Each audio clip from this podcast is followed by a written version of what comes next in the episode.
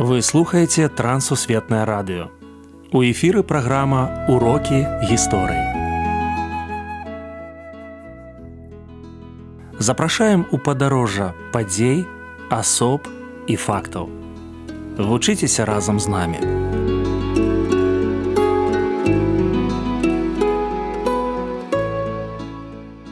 Ля мікрафона сяржук брышцель і кандыдат гістарычных навук Андрусь унучак. Тэма нашай сённяшняй размовы слуцкія афіны. Прывітанне Андрусь. Прывітанне сяржук. Прывітанне шаноўныя слухачы. У 2017 годзе слуцкай гімназіі споўнілася 400 гадоў. Паважаны ўзрост для навучальнай установы Беларусі. Як усё пачыналася? Пачыналася ўсё ў 1617 годзе, калі загадам князя Януша Радзівіла у Слуцку была створана гімназія. Это значыць такая установа вышэйшага тыпу. Установа, якая стала сімвалам Беларусі, сімвалам нашай адукацыі. Увогуле лічылася што павінен быць створаны пратэстанцкі універсітэт і ён павінен быў стаць першым універсітэтам у беларусі. Аднак э, так склалася ў нашай гісторыі што езуіты ордэн езуітаў які займаўся адукацыяй ён апярэдзіў і першай была створана віленская езуіцкая акадэмія у вялікім княстве літоўскім. Але калі казаць пра тэрыторыю сучаснай беларусі то менавіта ў слуцку у 1617 годзе ва ўладаннях князя януша радзівіла была створана вось гэта гімназія якая стала першай навучальнай установай у беларусі і адначасова першай пратэстанцкай навучальнай установай вышэйшага тыпу Раскажыце калі ласка пра статут слуцкай гімназіі. Статут слуцкай гімназіі гэта вельмі цікавы дакумент. Калі мы скажам так, што сённяшнія нашы беларускія настаўнікі павінны правяраць сшыткі вучнёўскія, то ўпершыню гэта было закладзена ў статуце слуцкай гімназіі. Тое, што кожны вучань павінен мець сшытак свой і гэты сшытак павінен кожны дзень кантралявацца настаўнікам. Гэта быў такі прынцып педагогікі. На той момант гэта было такі рэвалюцыйны прынцып, што гэта ўпершыню было створана ось так па розных прадметах вось гэтыя вучнёўскія сшыткі. Ну і канешне прадугледжвалася сістэма адзнак і сістэма заахвочвання вучняў да навучання. Якія яшчэ наватарскія падыходы выкарыстоўваліся ў гэтай школе? Самыя розныя ну напрыклад калі вучань ён меў вялікія поспехі нехта з вучняў то ён мог ужо і выконваць у пэўную ролю настаўніка на, на пэўнай ступені. Ён дапамагаў іншым вучням і навучаў таксама. Прымаліся вучні розных канфесіяў і рознага стану. Упершыню была створана міжсаслоўная навучальная установа і на першых класах гэта было навучанне бясплатнае. На той момант гэта абсалютна наватарскія такія прынцыпы Чаму гэтую установу называлі слуцкімі афінамі?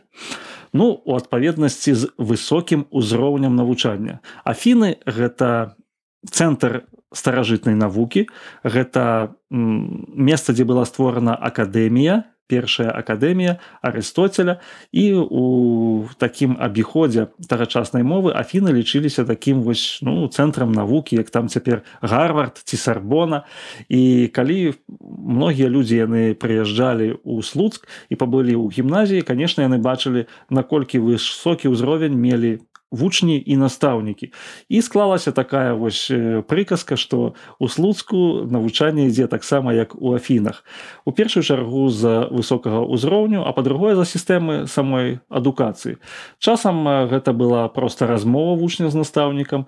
І вельмі важны момант яшчэ у чым была сутнасць гэтай назвы што не існавала вялікай дыстанцыі паміж вучнямі і настаўнікамі. Што вучні імкнуліся быць сябрамі для настаўніка а настаўнікі сябрамі для вучняў. Вось гэта супольнасць. Таксама была э, адной з прычынаў назвы такой слуцкай афіны. У чым на ваш погляд поспех слуцкай гімназіі? Поспех слуцкай гімназіі ён складаўся э, з некалькіх фактараў. Адзін з самых галоўных гэта было тое што і вучні і настаўнікі любілі сваю навучальную установу. Яны вельмі цанілі яе і імкнуліся выкарыстаць максімальна той час які дадзены для навучання. Другі момант гэта тое что кожны настаўнік ён імкнуўся пастаянна ўдасканаліваць сваё майстэрства пісалі кнігі і па іх жа навучалі. І трэці момант гэта тое што была вялікая зацікаўленасць у выніках навучання іх у паступленні ва універсітэты і далейшы рух у навуку. Гэта, канешне, ўсё разам спрыяла такой вялікаму прэстыжу гэтай навучальнай установы. Залаты фонд і залатыя старонкі. Некалькі цікавых фактаў пра гімназію, настаўнікаў і выпускнікоў. Ну можна сказаць так что я ўжо казаў что была створана такая сістэма падрыхтоўкі подручнікаў уласная э, там жа ў слуцку іх пісалі і рыхтаваліся вось напрыклад падручнік быў по арыфметыцы матэматыцы створаны у слуцку яшчэ ў 17 стагоддзі па якім вучыўся э, вядомы расійскі навуковец э, михайло ламаносаў сярод выпускнікоў Андрей белабоцкі Андрей белабоцкі гэта чалавек які быў упершыню склаў лацінска руска-кітайскі слоўнік. Сярод выпускнікоў таксама быў напрыклад эдвард ванілович фундатар чырвонага касцёлу у мінску старшня мінскае сельскагаспадарчае таварыства. Канешне безумоўна мы можемм казаць што гэта установа яна існавала на працягу 300 год бесперапынна. І толькі ўжо пасля паўстання 1863 году яна была зачынена і перакваліфікавана. Ну вось цікавыя факты якія можна прыгадаць. Канешне іх было больш але слуцкія афіны яны з'яўляюцца да гэтага часу вялікім прыкладам для ўсёй сістэмы навучання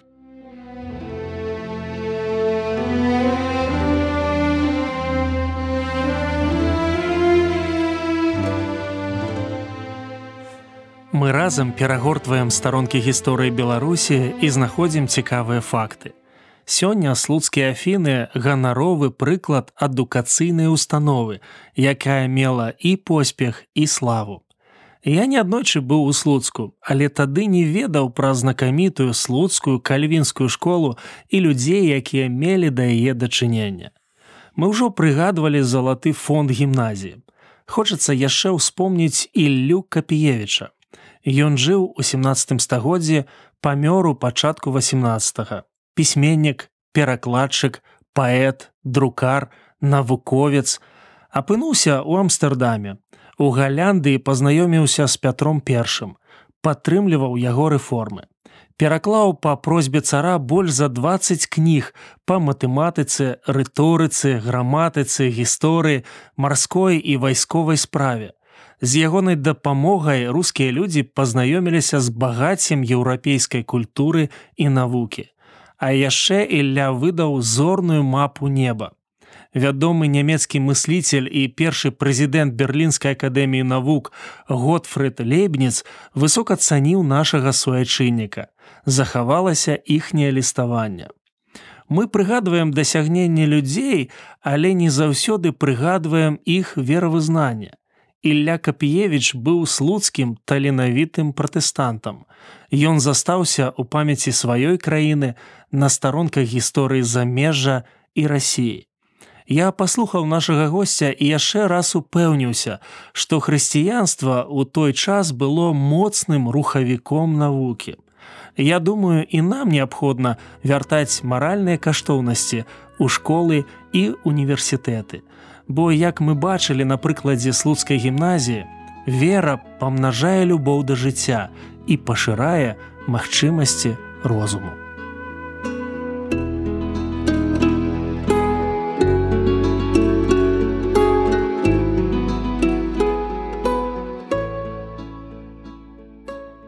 Дзякую, што далучыліся да нашага праекту. Калі ў вас ёсць пытанні, пішыце калі ласка на адрас трансусветнае радыё урокі гісторыі. Паштовая скрынка 45 індекс 22 40 20 город брест 20 Беларусь. Пакідаю для сувязі электронную пошту rmtwr кропка бівай сабачка gmail кропка com. Шукайце нас на сайте twr кропка FM. Да новых сустрэч!